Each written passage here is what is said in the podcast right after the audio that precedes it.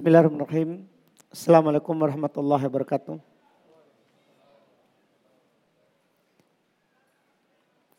Alhamdulillahirrahmanirrahim.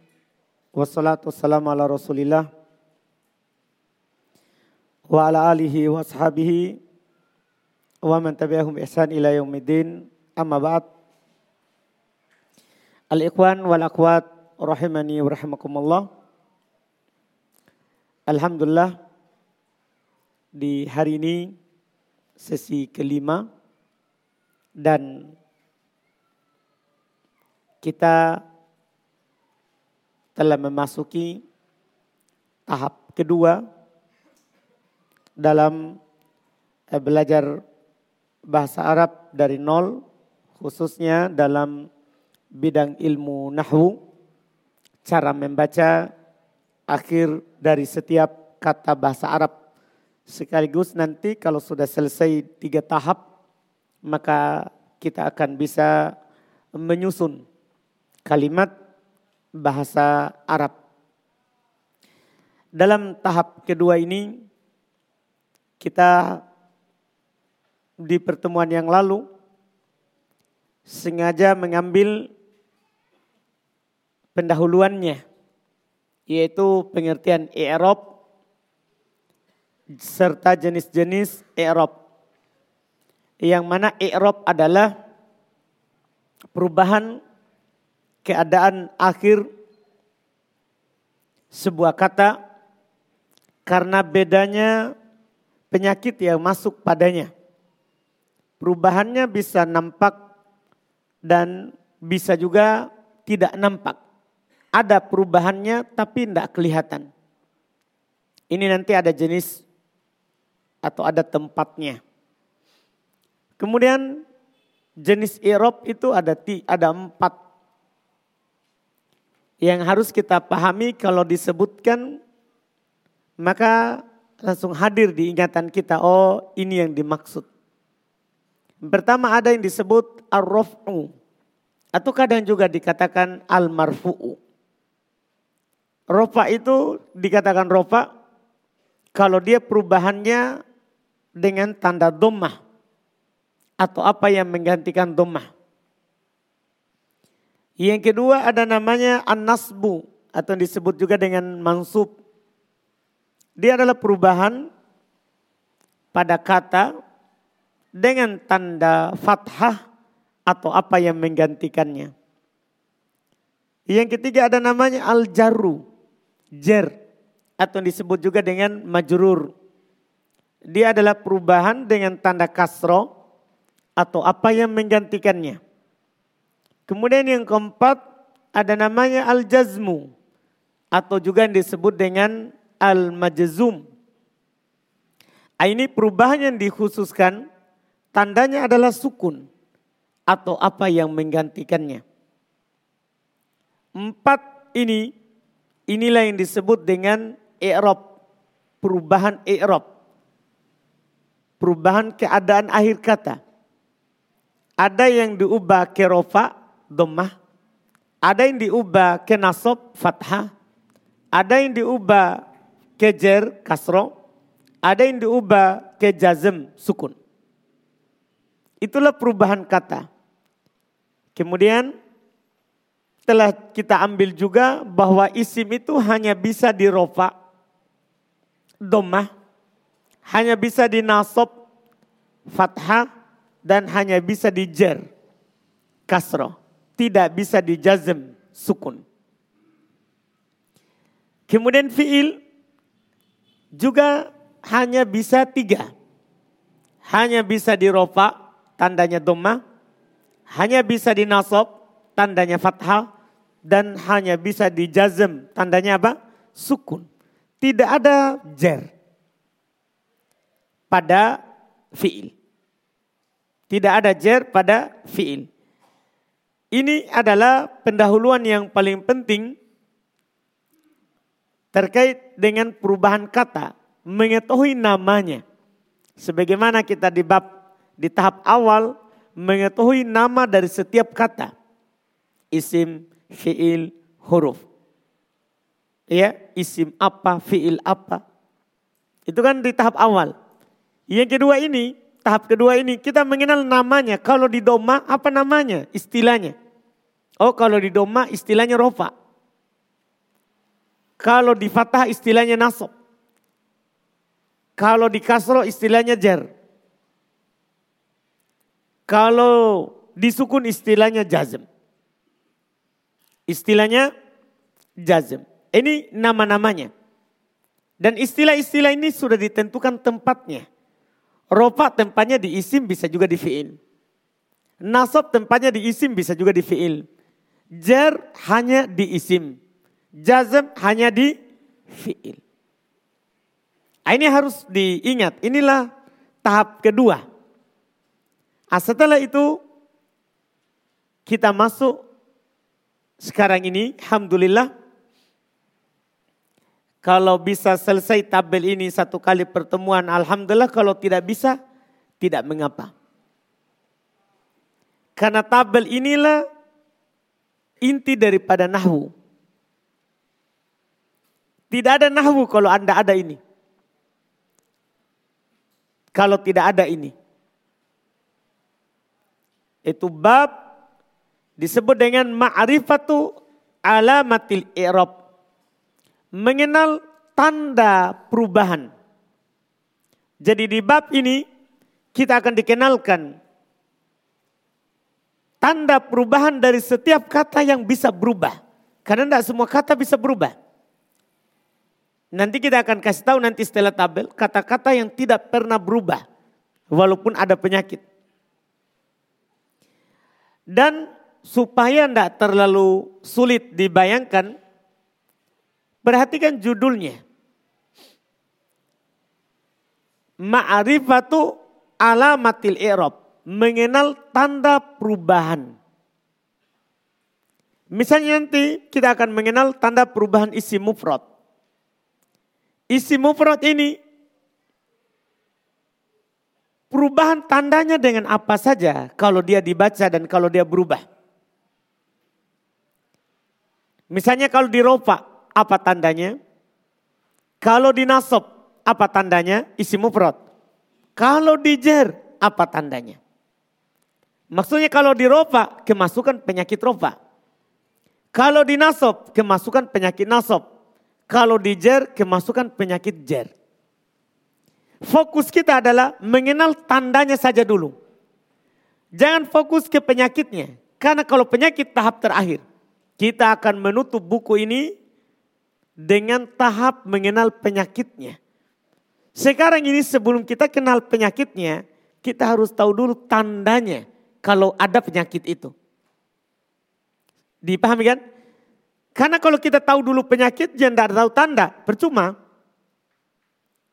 Harus tahu tandanya dulu. Antum akan kenal nanti penyakitnya berikutnya. Mungkin bisa dipahami. Ah, ini di sini ini cuman mengenal tanda bacanya dari setiap kata. Adapun penyakit, saya akan sebutkan masing-masing cuma satu penyakit. Kalau rofa, satu penyakit nasob satu penyakit, jer satu penyakit, jazm satu penyakit. Cuma satu saja dulu. Karena fokusnya sekali lagi bukan ke penyakit. Fokusnya adalah yang disebabkan oleh penyakit ini. Kalau ada. Mungkin paham? Nah, dulu kesulitan kita, biasanya kalau di bab ini kadang kita mengirob. Mengirob itu menjelaskan menjelaskan kenapa bisa begitu. Padahal sangat mudah yang diinginkan di sini. Kita cuma cukup tahu apa tandanya. Kita akan memasuki tabel, kita baca dulu hanya judulnya, setelah itu antum perhatikan papan. Judulnya jadi ma'rifati ma'rifatu alamatil i'rab. Mengenal tanda i'rab tanda perubahan. Di kolom pertama ada al-asma wal af'al. Ada isim-isim dan fi'il. Di kolom itu kita akan mengulangi semua yang telah lewat. Tahap satu itu ada di kolom pertama itu. Lihat ke bawah, lihat ada ismul mufrad, ismul musanna, jam'ul mudzakkaris salim, jam'ul muannatis salim, jam'u taksir, al asmaul khamsa, al ismul maksur, al ismul mangkus, al ismul ladhi la sorib. Ini kesembilan isim. Yang telah kita kenal sebelumnya. Nanti anak akan kasih tahu ulang lagi. Supaya lebih melengket atau teringat kembali. Setiap kita akan bahas nanti tanda bacanya. Kemudian ada al-fi'lul modori as-sahihul akhir. Al-fi'lul modori al-mu'tallul akhir. Al-af'alul khomsah.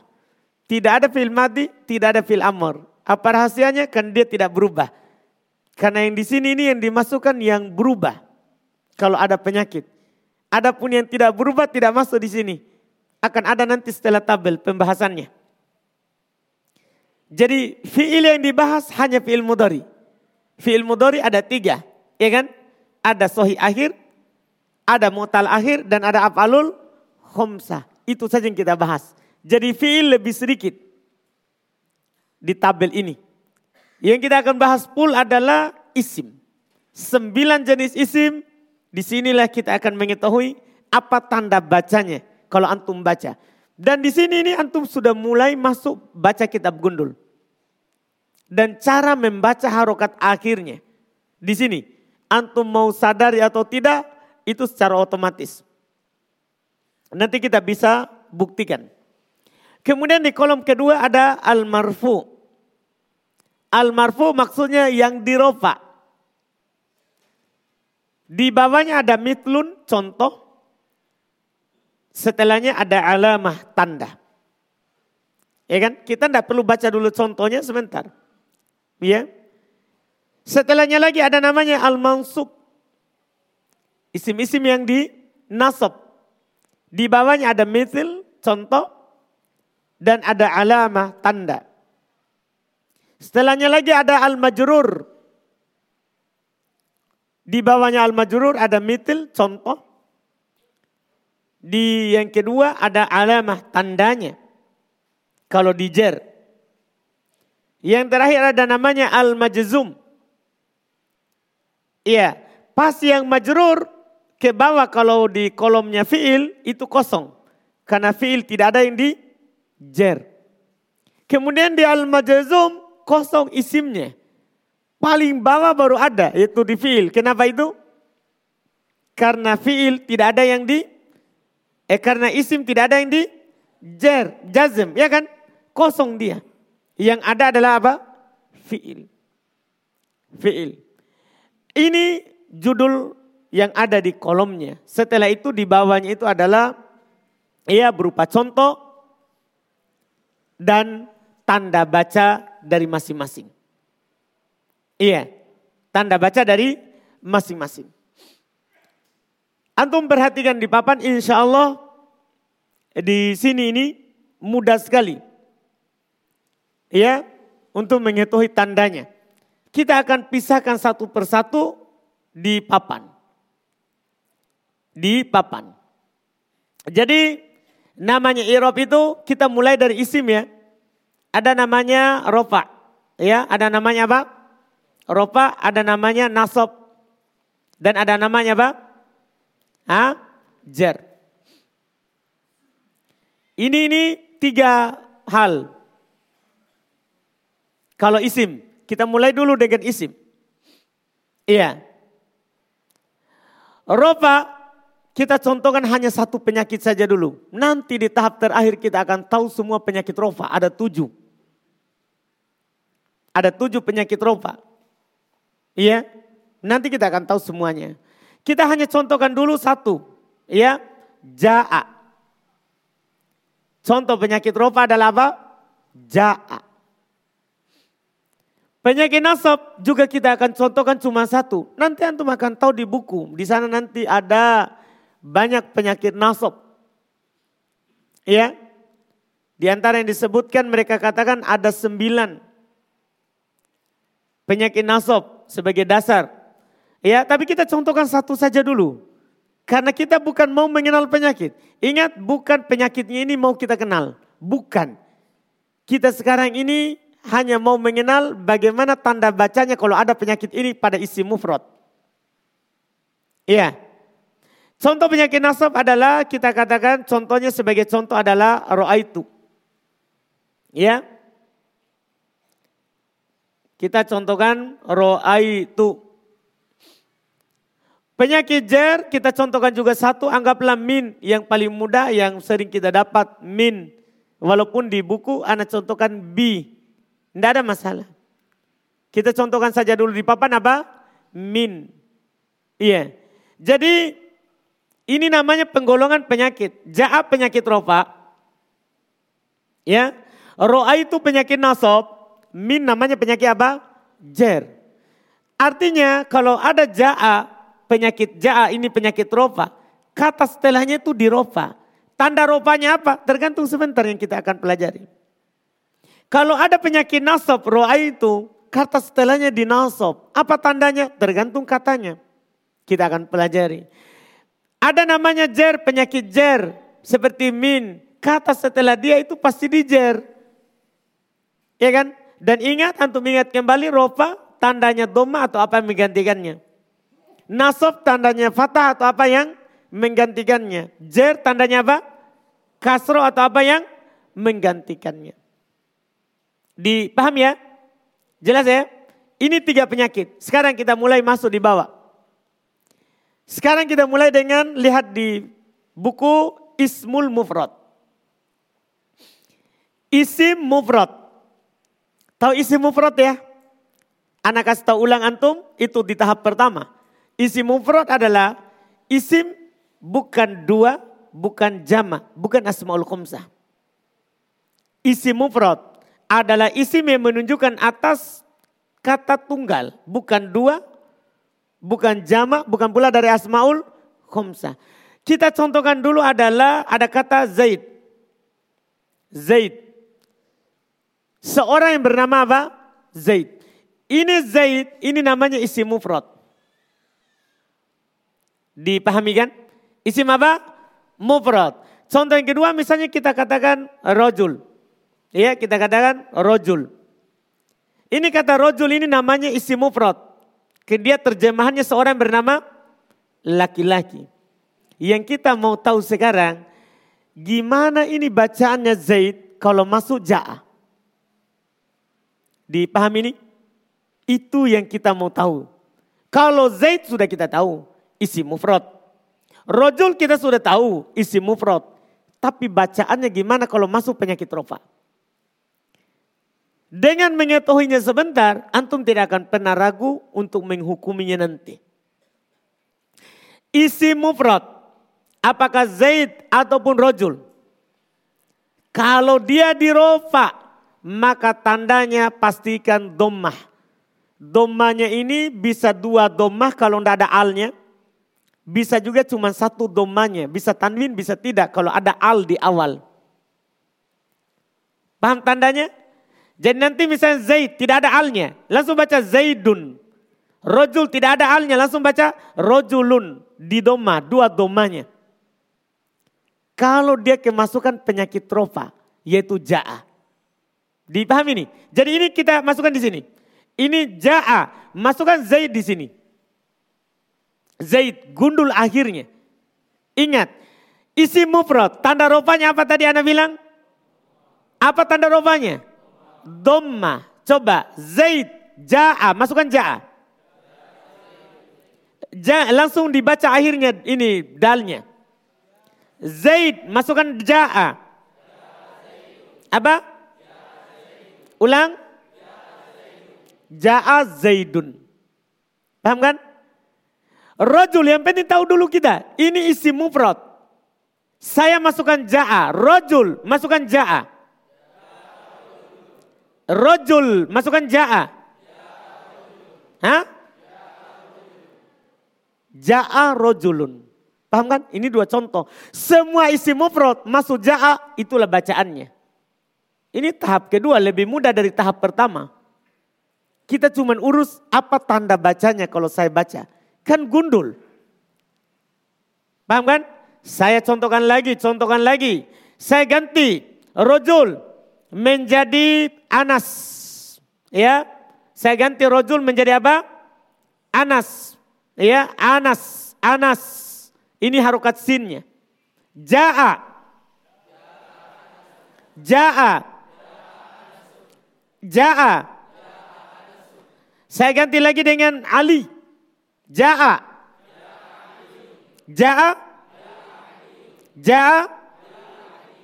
Aliyun. Hmm? Jelas kan? Saya ganti lagi misalnya, saya ganti. Ganti, anggaplah ada kata faros. Apa artinya faros? Kuda. Faros, kuda. Antum mau bilang, ja'a faros. Apa antum baca? Apa? Ulang? Itu dia. Jadi kalau masuk penyakit trofa, tandanya apa?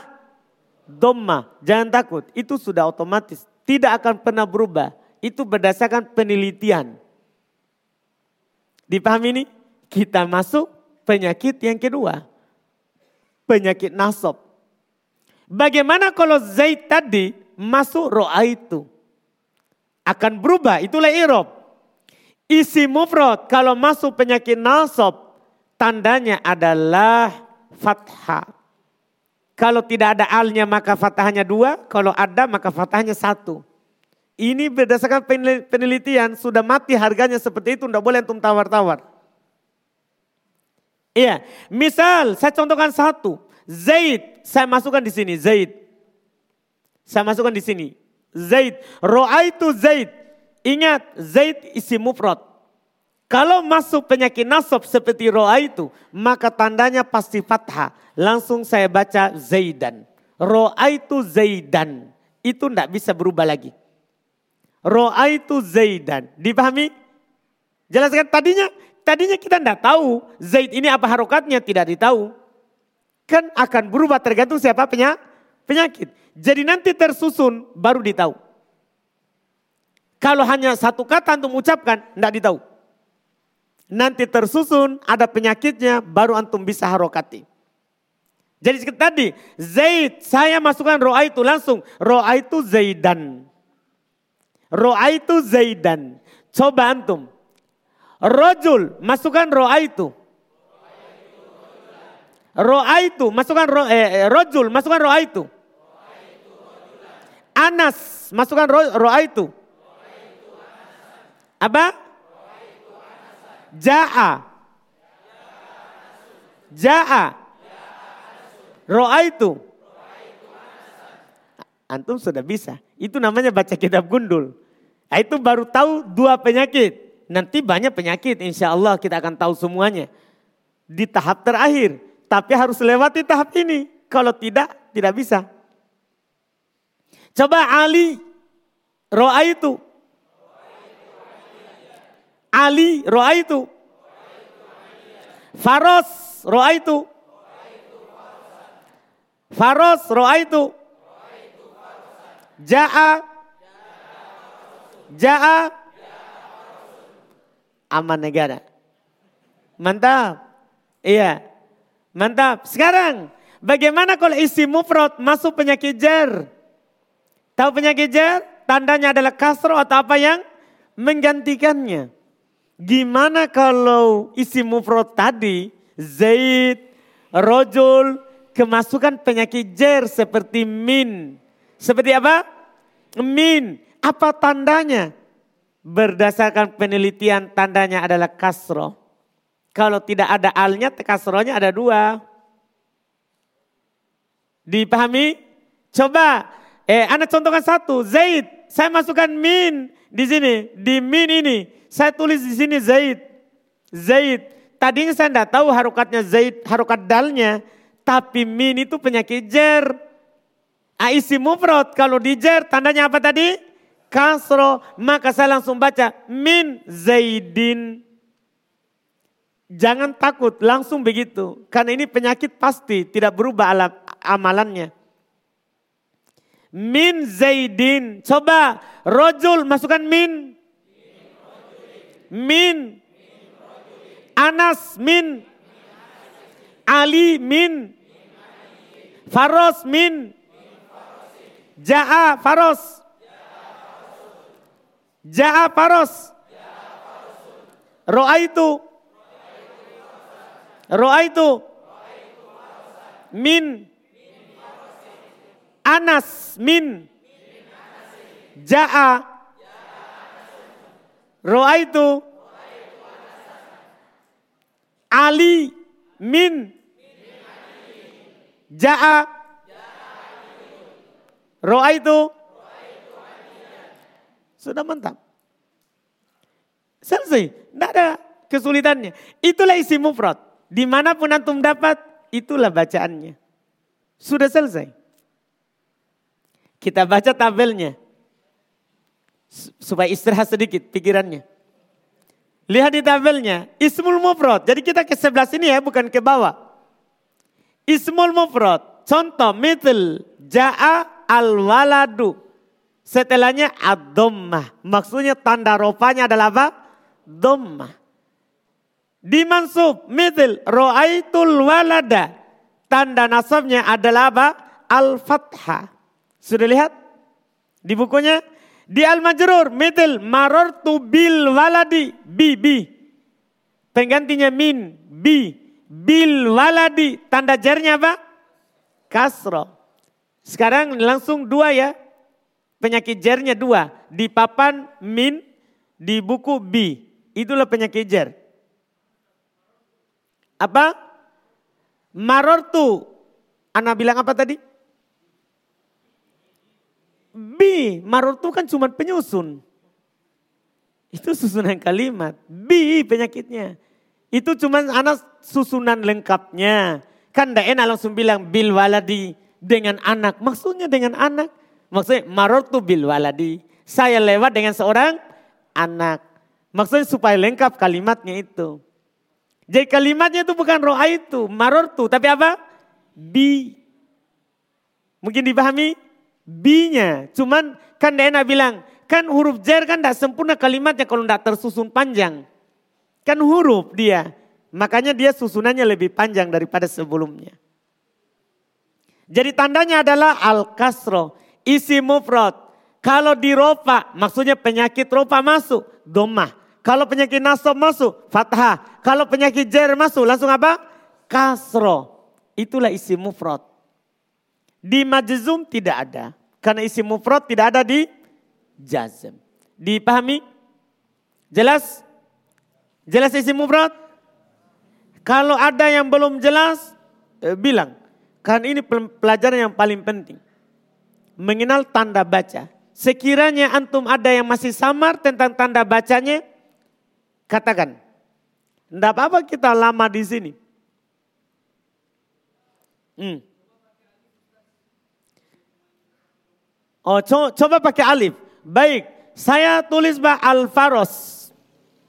Al-faros, ini pakai al kan? Al-faros. Kalau saya masukkan ja'a, Ja'al farosu. Karena al tidak akan pernah ketemu dengan tanwin. Kalau ada al maka tidak akan ada dua doma, dua fathah, dua kasroh. Tidak akan pernah ketemu. Al lawannya, musuhnya. Jadi al farosu, ja'al farosu, ro'aitul farosa, minal farosi. Tanpa tanwin. Dipaham Pak? Sama dengan. Rojulun, kan begitu. Tapi kalau saya tulis menjadi ar-rojul. Ya, ar-rojul. Ya, saya tulis misalnya kata ar-rojul. Ja'ar rojulu. Ro'a itu rojula minar rojuli. Tanpa tanwin. Itu saja bedanya. Kalau ada al tidak ada tanwin. Ada lagi? Ingat ini pembahasan yang penting. Kalau antum ambil dua kali, tiga kali bukan aib. Tidak ada masalah karena ini sebenarnya yang paling susah dalam belajar bahasa Arab. Menentukan harokatnya. Terus yang membuat susah adalah kita harus ingat tahap pertama. Jadi kalau antum tidak ingat, ini yang membuat, wah susahnya ini. Makanya supaya antum tidak repot, anak ingatkan. Daripada antum lari, lebih baik anak permudah karena tidak balas dendam ini. Iya. Sudah dipahami? Ah, kita masuk pada isim mutanna. Atau masih ingat kan isim mutanna? Isim mutanna adalah isim yang ditambahkan padanya alif dan nun atau apa? Ya dan nun. Dipahami nih? Itu isim mutanna. Sebelum alif di fathah, sebelum ya di fathah. Nunnya kan dikas, di kasroh. Paham? Misalnya dapat kata rojul. Dapat kata rojul. Kalau mau dijadikan dua, tambahkan alif dan nun atau ya dan nun. Menjadi rojulani atau rojulaini. Dipahami ini? Sekarang kita akan tahu kapan rojulani, kapan rojulaini. Itu kan pelajaran awal.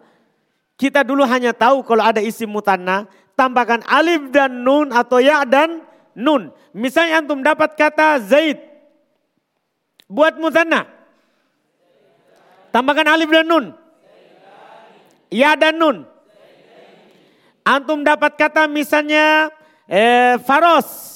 Masih sama supaya nanti terhafal. Faros. Dua kuda. Alif dan nun.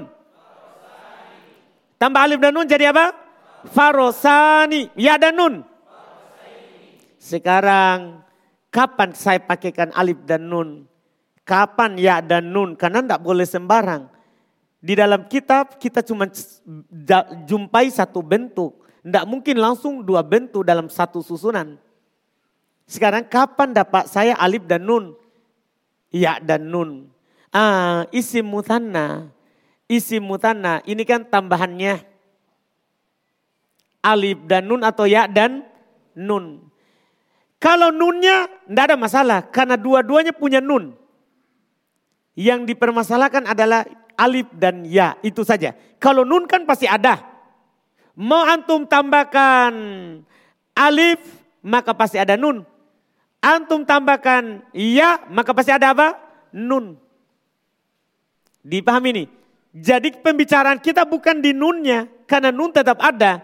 Pembicaraan kita adalah kapan alif, kapan ya itu isi mutanna. Kalau dia dirofa, maksudnya kemasukan penyakit ja'a. Yang tadi di atas, kemasukan penyakit ja'a. Maka tandanya isi mutanna dia pakainya alif, tidak pakai ya. Kalau dia kemasukan penyakit rofa. Tandanya adalah apa? Alif, artinya ada ja'a dan kawannya nanti kita akan pelajari di tahap terakhir pakaikan langsung alif. Tadi saya anda bilang kan gini, rojul, rojulani, rojulaini, ja'a, rojulani, rojulaini, ja'a. Pakaikan apa? Alif, tentunya nun pasti ada. Karena harus ada alif dan nun, ya dan nun. Tapi kita tidak membicarakan nunnya. Karena nunnya semua ada. Ya sama alif ini bedanya. Kapan pakai alif? Kalau masuk penyakit rofa. Ulang-ulang. Rojulani rojulaini. Masukkan ja'a. Hah? Zaidani zaidaini. Ja'a. Zaidani zaidaini. Ja'a. Apa? Farosani, farosaini, akhwat, ja'a. Mantap. Jelas berarti? Tambah contoh? Tambah? Ini marfu. Ini marfunya. Contoh lain misalnya, antum dapat kata ya. Antum dapat kata sobir. Sobir. Tambahkan alif dan nun apa jadinya? Sobiro, bukan ra, ro. Sobir, masukkan alif dan nun. So, ya dan nun. Ja'a. Sekarang antum menentukan tempatnya itu. Dipahami? Sekaligus nanti dalam baca kitab kalau pakai alif dan nun langsung antum bilang rofa itu di depannya pasti penyakit rofa, tidak boleh tidak. Kan tidak mungkin dia pakai alif dan nun kalau tidak ada penyakit ro, rofa. Tapi kan kita tidak membicarakan penyakitnya, tandanya dulu. Kalau di nasab, masuk penyakit roa itu. Masuk ini penyakit roa itu. Jadi anggaplah kita ini kata Zaid. Zaid kan bisa tadi alif dan bisa tambah alif dan nun atau apa tadi ya dan nun. Kalau di ropa pakaikan alif dan nun. Kalau di nasab maka tandanya ya. Pakaikan ya dan nun. Paham ini? Lihat saya bilang gini. Zaidani, Zaidaini. Saya masukkan roa itu. Roa itu Zaidaini. Tidak boleh Zaidani. Salah. Karena kalau Zaidani, ropa. Masuk penyakit nasab roa itu langsung pakaikan ya. Dan nun. Roa itu Zaidaini. Pakaikan ganti alif dengan apa? Ganti alif dengan apa? Iya, coba kita praktek. Rojulani, rojulaini, roa itu. Roa itu. Zaidani, zaidaini, roa itu. Ulang. Farosani, farosaini. Roa itu. Sobironi, sobiroini. Roa itu. Dipaham ya? Kalau masuk penyakit jer, apa tandanya? Kalau masuk penyakit jer ini termuda sedunia, sama dengan kalau masuk penyakit nasab. Pakaikan ya. Kalau antum bertanya, terus bagaimana cara saya membedakannya? Ini di nasab atau di jer? Kan sama-sama pakai ya? Penyakitnya. Boleh sama tandanya tapi penyakitnya kan be beda. Kalau ada penyakit jer antum bilang di jer. Kalau ada penyakit nasab antum bilang apa? Di nasab walaupun tandanya sama.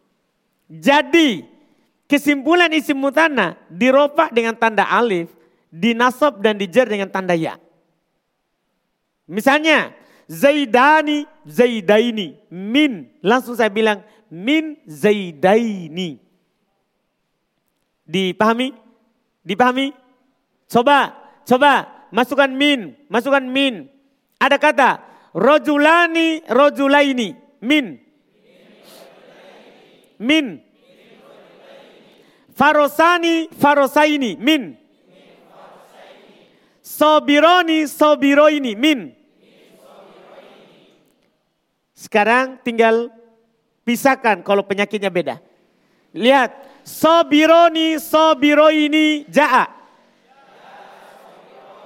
Ja'a. Min. Min. Ja'a. Ja'a. Roa itu. Roa itu. Pikirkan penyakit apa itu?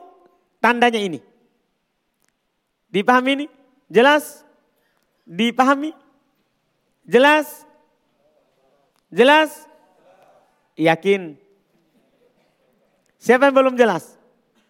Hmm, silakan Pak. Apa yang belum jelas? Hmm?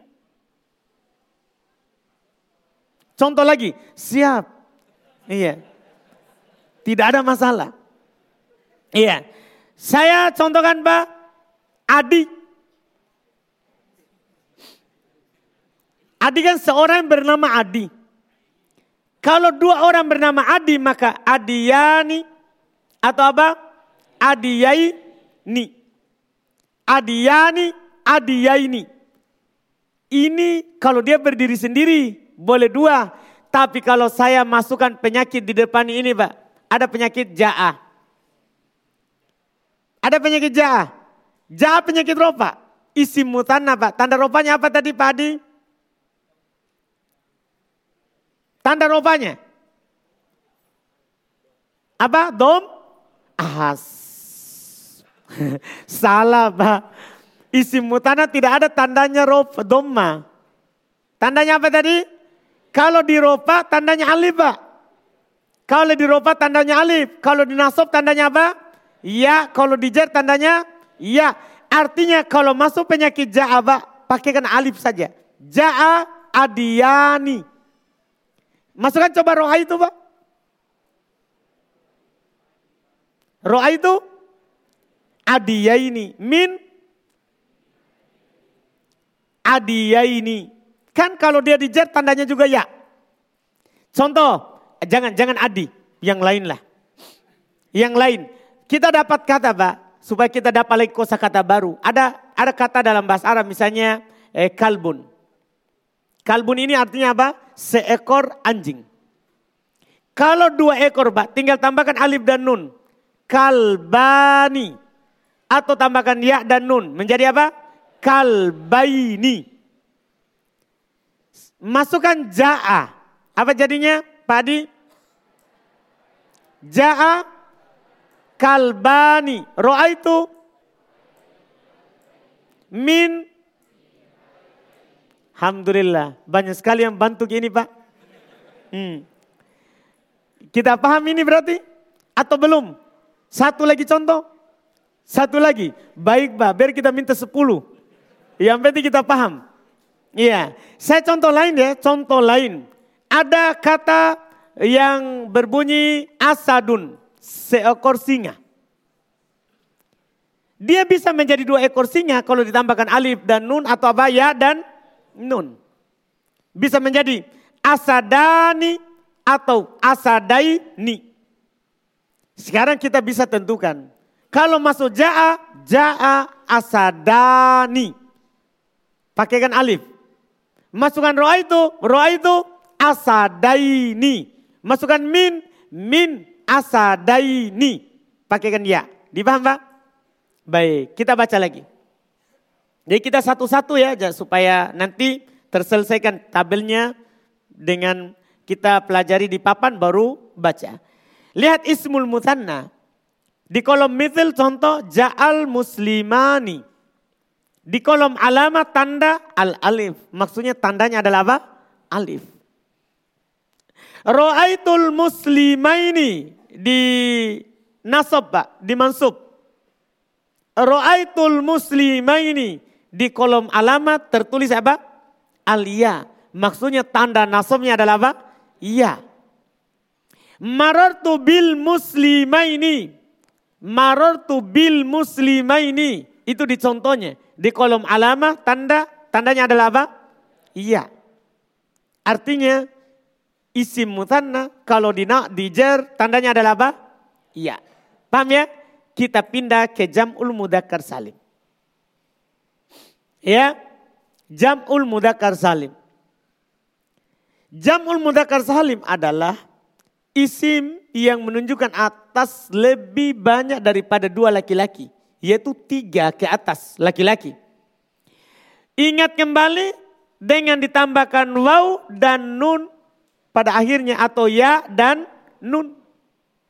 Sebelum waw itu di domah, sebelum ya di kasro. Wawnya sukun, ya-nya sukun, nunnya fathah. Nunnya apa? Nunnya kita ya fathah. Artinya kalau antum dapat kata seperti Zaid. Seorang bernama apa? Zaid. Kalau mau jadi jama mudakar salim, Tinggal tambahkan waw dan nun. Tinggal tambahkan apa? Tinggal tambahkan waw dan nun di sini. Menjadi sebelum waw doma, wawnya sukun, nunnya fathah. Jadinya apa? Zaiduna. Paham kan? Atau Zaid bisa tambahkan ya dan nun. Ya, Zaid. Sebelum ya apa tadi? Kasro, ya-nya apa? Sukun, nunnya fathah. Menjadi apa? Zaidina itu tahap pertama. Kita ingat lagi sekarang kan? Jadi dia bisa Zaiduna, Zaidina. Itulah jamak mudakar salim. Terjemahannya ini banyak orang yang bernama Zaid. Dipahami sekarang bagaimana kalau dia masuk penyakit ja'ah. Yang mana ja'ah ini penyakit apa? Penyakit apa? penyakit rofa. Itu jama mudakar salim. Ingat, nunnya kan sama-sama ada. Kalau waw ada nun, ya. Kalau ya ada juga nunnya. Sama-sama ada nun, nunnya. Yang beda adalah wau dan iya, itu saja. Yang beda adalah itu masalah apa? Masalah wau dan iya, berarti tandanya dua itu. Jamak mudakar salim. Kalau dia kemasukan penyakit rofa seperti ja'a, maka tandanya langsung wau. Artinya setelahnya tinggal ditambah nun.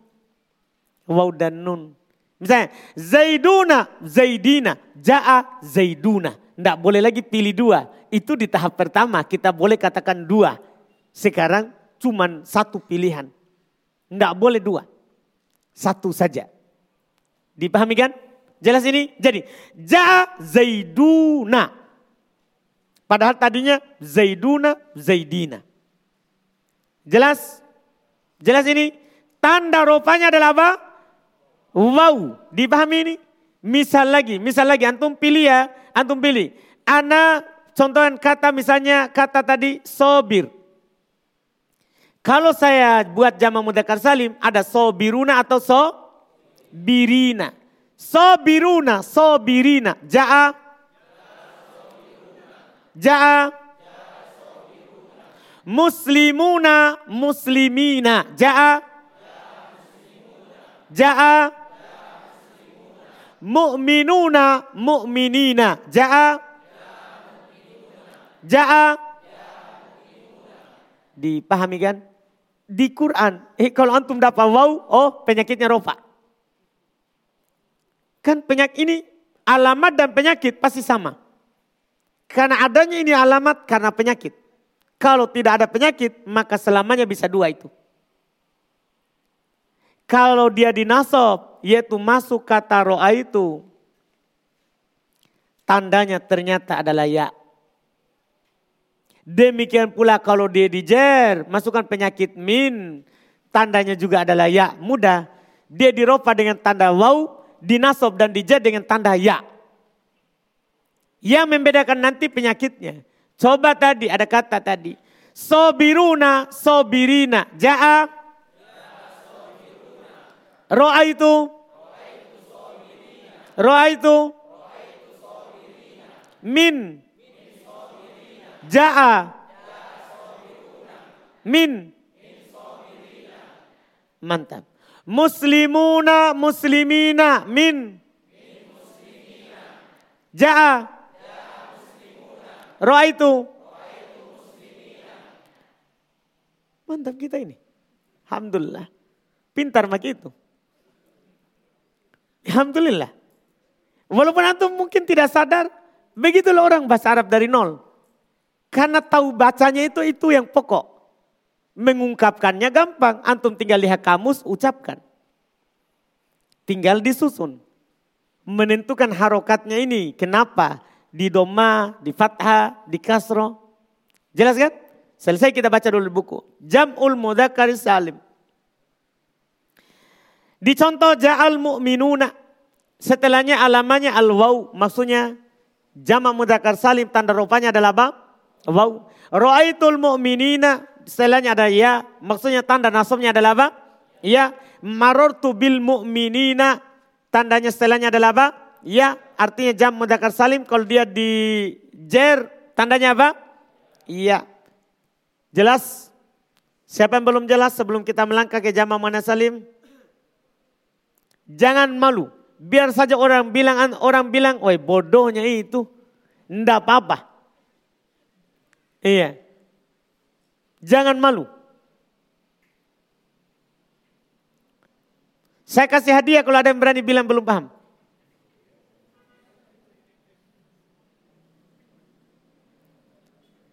Alhamdulillah batal hadiah. Baik. Baik. Ah, sekarang masuk lagi, jam'ul mu'anats salim. Jama mu'anats salim pengertiannya, dia adalah jama yang menunjukkan atas lebih dari dua perempuan. Dengan ditambahkan alif dan tak. Paham kan? Sebelum alif pasti di fathah. Paham kan? Dan taknya ini dulu yang anak bilang, dia bisa di domah dan bisa di kasroh. Tidak bisa di fathah.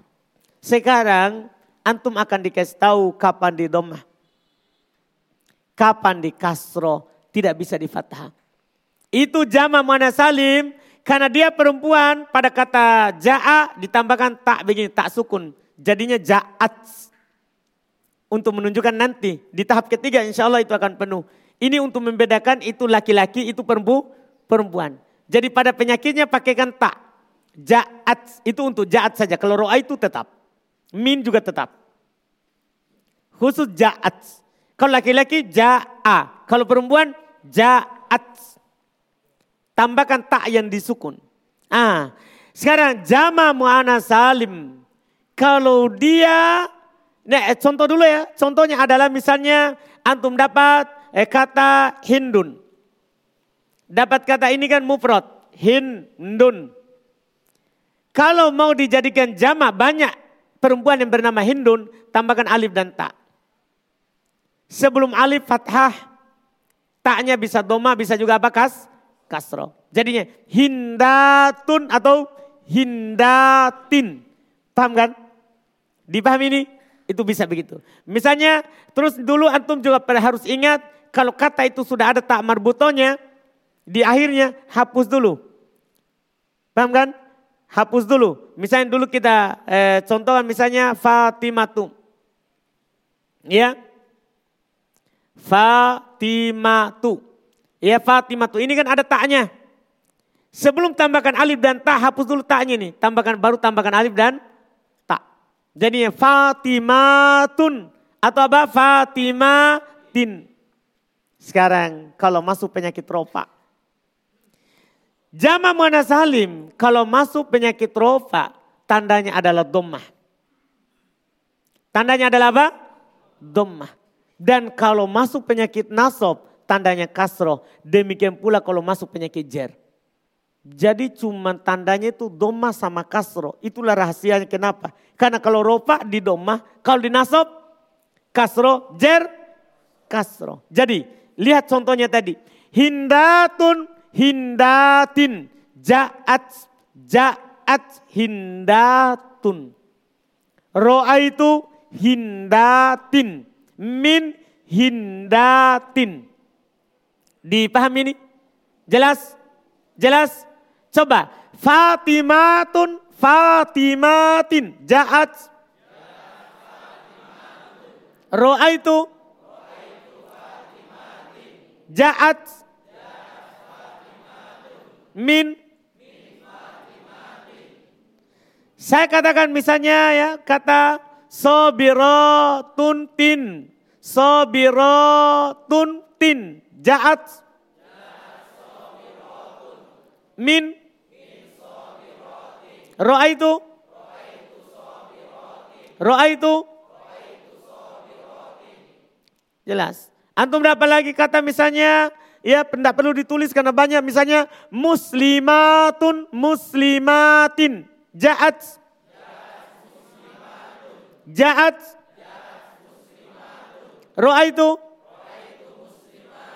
Ja'at. Min? Mu'minatun. Min? Ja'at So'imatin Ja'at Mantap. Aman negara. Selesai. Kita baca lagi di buku. Ya, antum belum capek kan? Belum. Pokoknya lanjut terus. Iya. Lihat.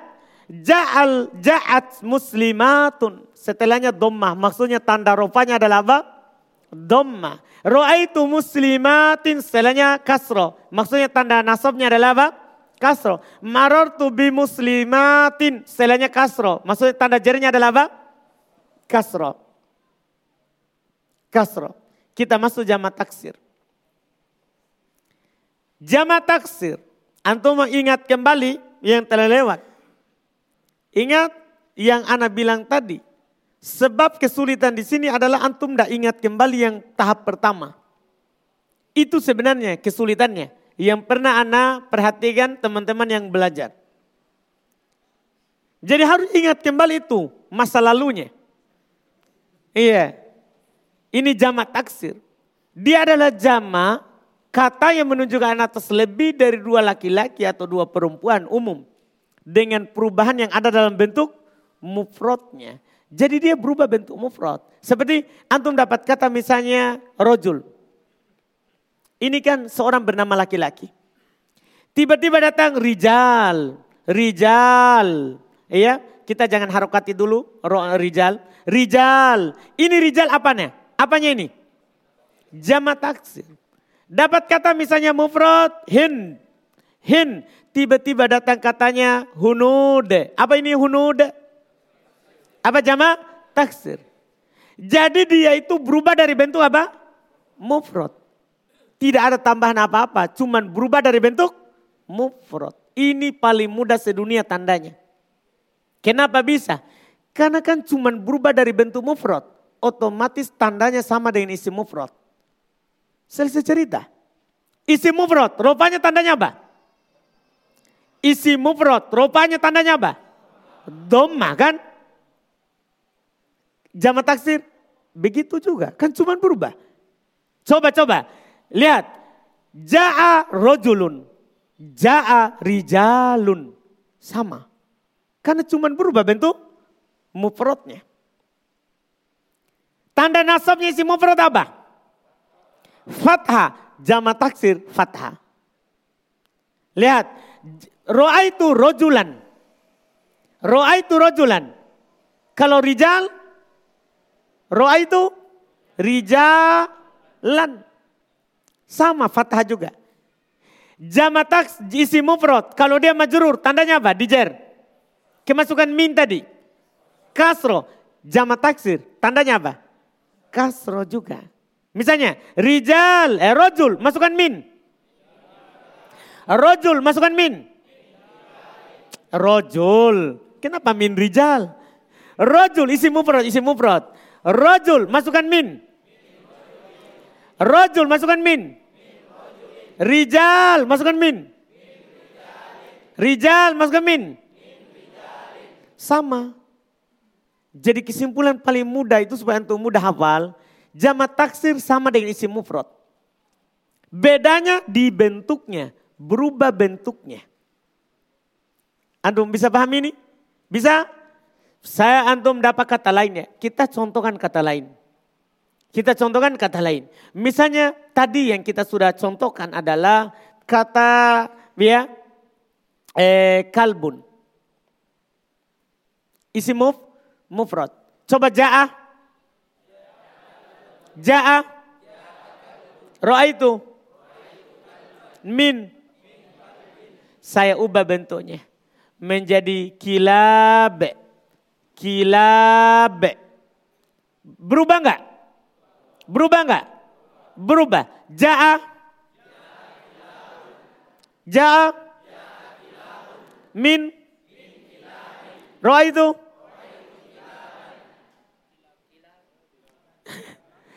ulang, ulang, ulang, ulang.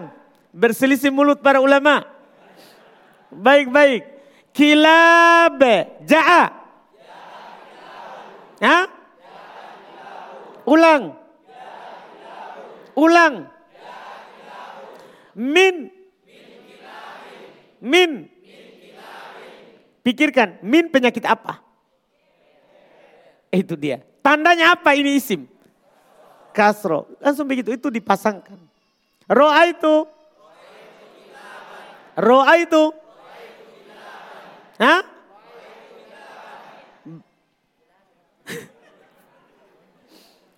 Ada yang bermasalah. Ada yang bermasalah. Ingat, tanda nasabnya apa? Fathah. Tanda jerje? Kasro. Tanda rupanya? Domma. Ulang-ulang. Kalbun. Ja'a. Ja'a. Min. Min. Min. Kasro. Ro'a itu. Roa itu. Masuk jama taksir. Kilab min. Min. Ja'a. Ja'a. Roa itu. Roa itu. Mantap. Selesai. Kita baca lagi. Jam utaksir. Contoh ja'al auladu. Ah, ini tidak tanwin ya, kan ada alnya. Iya kan? Kan tinggal ada al tidak tanwin. Tidak ada al tan, tanwin. Ja'al auladu ad Maksudnya tanda rupanya adalah apa? Ad-dhamma. Ru'aitul aulada fathah. Maksudnya tanda nasabnya adalah fathah. Marortu bil auladi kasro. Maksudnya tanda jarinya adalah apa? Kasro. Kita masuk lagi berikutnya. Ada namanya semoga bisa selesai isim ya. Semoga. Tapi kalau antum menyerah sudah capek. Bilang. Tidak apa-apa. Kan dua kali tidak ada masalah. Tapi kalau sekali kan bagus. Tapi janganlah nanti takutnya terlalu ya. Hmm. Iya. Sekarang ada namanya al asmaul khumsah. Ingat kembali asmaul khumsah. Asmaul khumsah itu adalah kata abu ya. Terus a aku terus hamu terus fu terus du. Ini lima ini. Abu, aku, hamu, fu, du. Kemudian wawunya itu bisa diganti alif. Menjadi abu menjadi aba. Kan dulu kan sudah kasih tahu. Abu ganti alif. Aba. Aku ganti alif. Ako. Hamu ganti alif. Hama. Fu ganti alif. Fa. Du ganti alif. Da. Terus dia bisa ganti menjadi ya bisa ganti menjadi ya. Abu ganti ya. Abi. Aku ganti ya. Aki. Hamu ganti ya. Hami. Fu ganti ya. Du ganti ya. Sekarang kapan itu dipakai itu wow alif ya? Itu sekarang. Itu sekarang. Ah, ini mudah sekali, ini pelajaran anak TK. Iya, mudah sekali. Iya, itu dia akan pakai wau kalau penyakitnya rofa. Maksudnya kalau penyakitnya ja'a, langsung pakaikan wau. Ja'a abu. Kalau penyakitnya roa itu penyakit nasab. Roa itu maka langsung pakaikan alif. Roa itu aba. Kalau penyakitnya jer yaitu min, langsung pakaikan ya. Min abi. Sudah paham kapan dipakai? Coba, coba, coba. Ya, Abu Ja'a. Eh, enggak usah kaknya. Karena kak nanti bisa diganti dengan Bakar, Ali. Kan bisa Abu Ka, bisa Abu Bakar, Abu Bak, Abu Zaid, Abu Ali, Abu Yusuf. Wah nama sendiri ya. Iya. Baik. Jelas ini. Jadi maksudnya kafnya itu enggak ada masalah. Walaupun antum enggak masukkan. Coba. Abu Ja'a Ro'a itu min. Jadi perhatikan cara penggunaannya. Aku masukkan min. Ro'a itu. Ro'a itu. Bukan aha, ako.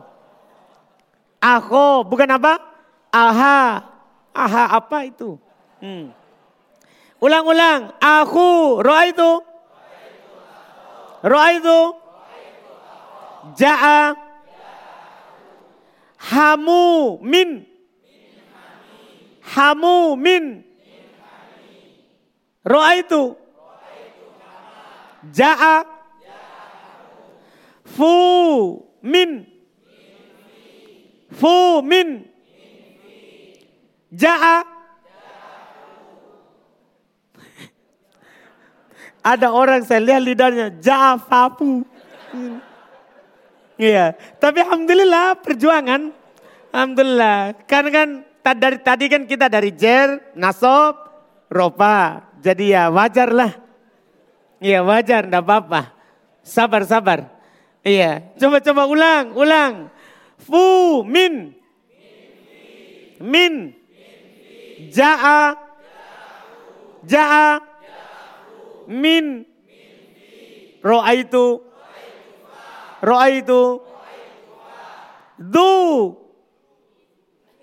belum iya du roa itu roa itu Ja'a. Min. Min. Ah, dari bercakap nanti itulah antum cepat tangkap. Oh saya pakai ya di sini. Saya pakai alif, saya pakai waw. Itu kan orang bercakap begitu. Dia bisa mengungkapkan kapan pakai waw, kapan pakai alif, kapan pakai apa? Iya. Dia lihat penyakitnya. Dipahami? Sudah? Selesai. Kita baca lagi di buku. Ja'a abuka. Ka ini untuk memudahkan saja ya supaya pendek contohnya. Boleh diganti Abu Zaid. Ya, boleh. Ja'a abuka setelahnya al-waw. Maksudnya tanda rupanya adalah waw. Roh itu abaka setelahnya adalah alif. Maksudnya tanda nasabnya adalah apa? Alif. Marutu bi abika alia. Maksudnya tanda jarinya adalah apa? Iya. Sisa sedikit lagi. Ya. Atau sudah? Atau sudah? Hah? Eh, sudah atau lanjut? Lanjut atau sudah? Hah? Apa? Ulang? Baiklah, saya tidak ada masalah. Yang penting antum bisa. Baik, lanjut. Ada namanya al-ismul mangkus, al-ismul maksur. Isi maksur. Apa itu isi maksur? Diingat kembali. Dia adalah isim yang akhirnya alif. Isim maksur. Dia adalah isim yang akhirnya apa? Alif. Isim maksur. Contohnya misalnya ya. Contoh. Kita dapat contoh misalnya ya. Yang akhirnya alif fata. Seorang pemuda. Seorang apa? Pemuda. Fata. Ini namanya isim maksur. Ini namanya isi maksur. Atau contoh lain mereka contohkan aso. Sengaja dicontohkan fata dan aso. Maksudnya ini aso untuk alif lurus. Fata untuk alif apa? Bengkok. Kan yang penting akhirnya adalah siapa? Alif. Ini mudah sekali saudara. Ini isi mengkus. Tandanya sama dengan isi mufrad. Supaya antum tidak terlalu luas memikirkannya. Tandanya sama dengan isi mufrad. Artinya diroba dengan apa? Doma, dinasab dengan fathah, dijar dengan kasro. Bedanya dengan isi mufrad, dia tandanya muqaddaro. Ya. Saya bedanya bedanya adalah tandanya adalah disebut dengan tanda muqaddaro. Muqaddaro. Tandanya tersembunyi karena alif tidak akan pernah punya harokat. Dipahami ini? Dia kalau masuk ja'a misalnya fata, masukkan ja'a. Ja'a Nah, kalau nanti biasanya dia pakai al, ja'al, ja'al fata. Ro'a itu. Min. Dipaham? Aso, ja'a. Ro'a itu. Min. Tandanya ada itu. Doma kalau ja'a. Fatah kalau ro'a itu. Kasro kalau min tapi mukodaro. Apa artinya mukodaro? Disembunyikan. Jadi nanti bilang doma mukodaro. Doma yang disembunyikan. Fatah mukodaro. Fatah yang disembunyikan. Kasro mukodaro. Apa artinya itu? Kasro mukodaro. Kasro yang disembunyikan. Artinya isi maksur itu sebenarnya tidak terlalu repot dalam baca kitab. Karena tidak pernah nampak. Ini paling enak kalau dibaca. Kan tidak perlu dipikirkan. Doma kasro atau fathah, ah, pokoknya tidak nampak. Iya kan? Cuman yang tidak nampak apa sekarang?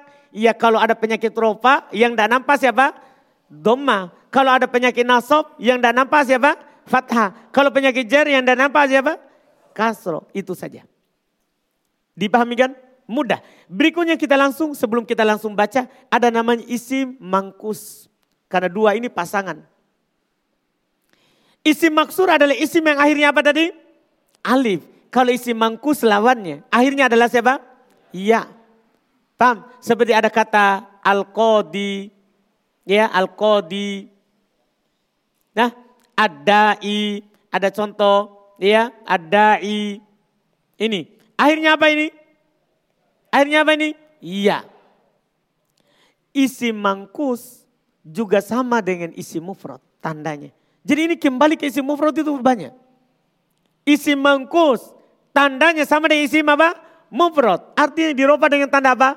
Doma. Dinasab dengan tanda fathah. Dijar dengan tanda kasro. Hanya saja dia disembunyikan di ketika dia doma sama kasro. Nampak ketika fathah. Jadi kalau doma sembunyi.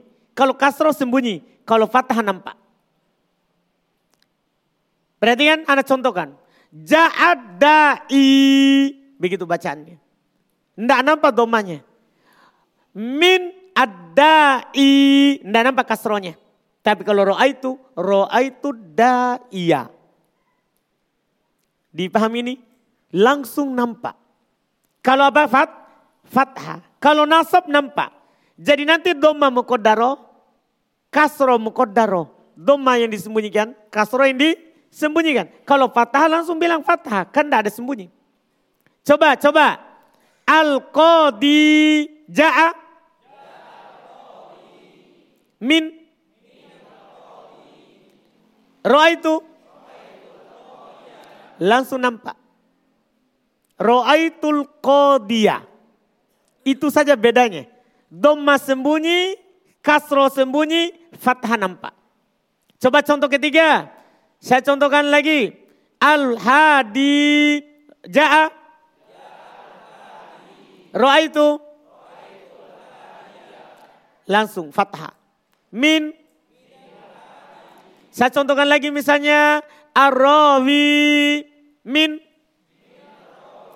Ar-rawi min. Tidak nampak. Tetap sukun. Ja'a. Ja'a ja'a. Tidak nampak sukun. Roh itu. Langsung nampak fathahnya. Itu saja bedanya. Kalau isi maksur semua sembunyi kan alif. Isi mangkus sembunyi doma sama kasro. Kalau fathah apa? Nampak. Jelas? Terakhir untuk isim dan ini terakhir untuk pertemuan kali ini. Ada namanya al-ismul ladhi la sorif. Apa itu isimul ladhi lan sorif? Sudah lewat bersama kita di tahap awal, isim yang tidak bertanwin. Dia adalah apa? Isim yang tidak bertanwin. Ismul ladhi la yang sorif artinya isim yang tidak bertanwin. Sudah lewat yang Anda bilang sama antum untuk tahap pemula, dia adalah nama perempuan. Ya, seperti kata Zainab. Ya, Zainab ini Zainabu, tidak ditanwin. Ya, atau nama orang ajam, nama orang ajam, nama non Arab. Ya, seperti kita dapat kata Ibrahim. Ya, Ibrahimu tidak ditanwin. Sekarang tanda bacanya. Tanda bacanya. Ya, ismul ladzi yang sorif. Kalau dirofa, kalau dirofa, tandanya adalah dhammah. Kalau dinasob, tandanya adalah fathah. Kalau dijer, tandanya adalah fathah. Jadi tidak ada kasroh. Dipahami ini?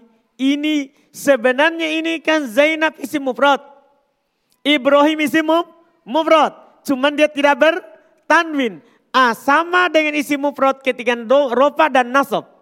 Bedanya dengan isim mufrad ketika apa? Jer. Isi mufrad kalau di tandanya apa? Dom? Hah?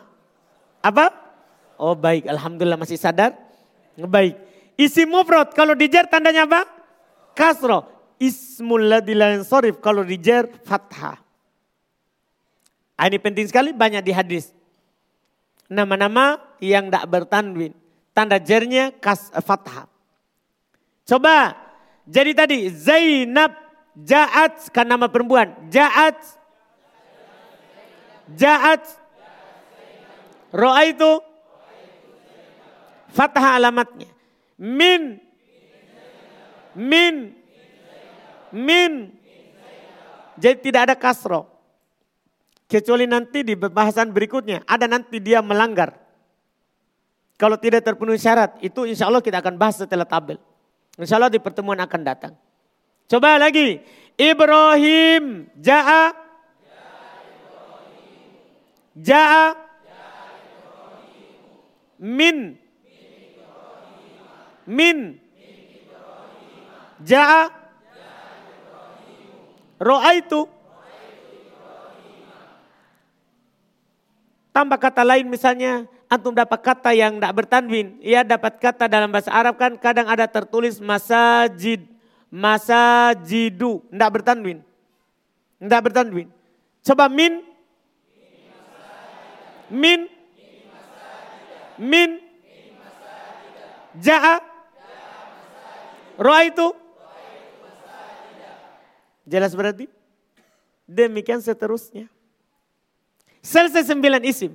Itulah tanda bacanya. Antum dapat isim dalam Al-Quran, dapat dalam hadis, dapat dalam Arab gundul. Itulah bacanya sembilan isim yang bisa berubah.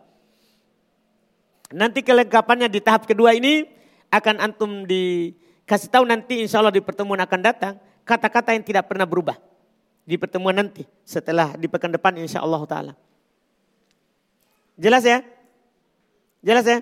Antum berjuang ya insya Allah ini kita paling lambatnya itu selesai di eh, Syakban. Jadi sebelum Ramadan kita selesaikan. Kan targetnya 15 kali. Ini kan sudah berapa? Sudah lima. Ya kan? Dan Anda melihat bahwa kita sampai di sini tahap kelima sudah sampai Ismul Ladilan Sorif. Itu artinya kita bisa lebih cepat dari 15 kali. Kan ini antum cepat belajarnya. Biasanya orang di sini sudah enam atau tujuh, tapi antum masih lima di sini. Artinya kita akan hemat, tidak jadi lima belas. Tidak jadi lima belas. Dipahami kan? Itu insya Allah. Tergantung lagi kalau antum bertahan begini pemahamannya. Iya, kalau bertahan begini terus, Alhamdulillah. Ya pokoknya antum pertahankanlah. Antum misalnya kenapa antum bisa paham seperti ini hari ini? Ya kalau karena makan tahu isi misalnya, makan lagi pekan depan. Iya, supaya bertahan itu pemahamannya seperti ini. Iya kan? Alhamdulillah. Ada pertanyaan sebelum kita tutup pertemuan kelima ini? Alhamdulillah kalau ndak ada kita tutup sisa tiga ya. Cuman jangan diambil hari ini karena sudah masuk fiil supaya terpisah antara isim dan fiil. Ya, kita cukupkan subhanakallah bihamdik asyhadu an la ilaha illa anta astaghfiruka wa atubu. Assalamualaikum warahmatullahi wabarakatuh.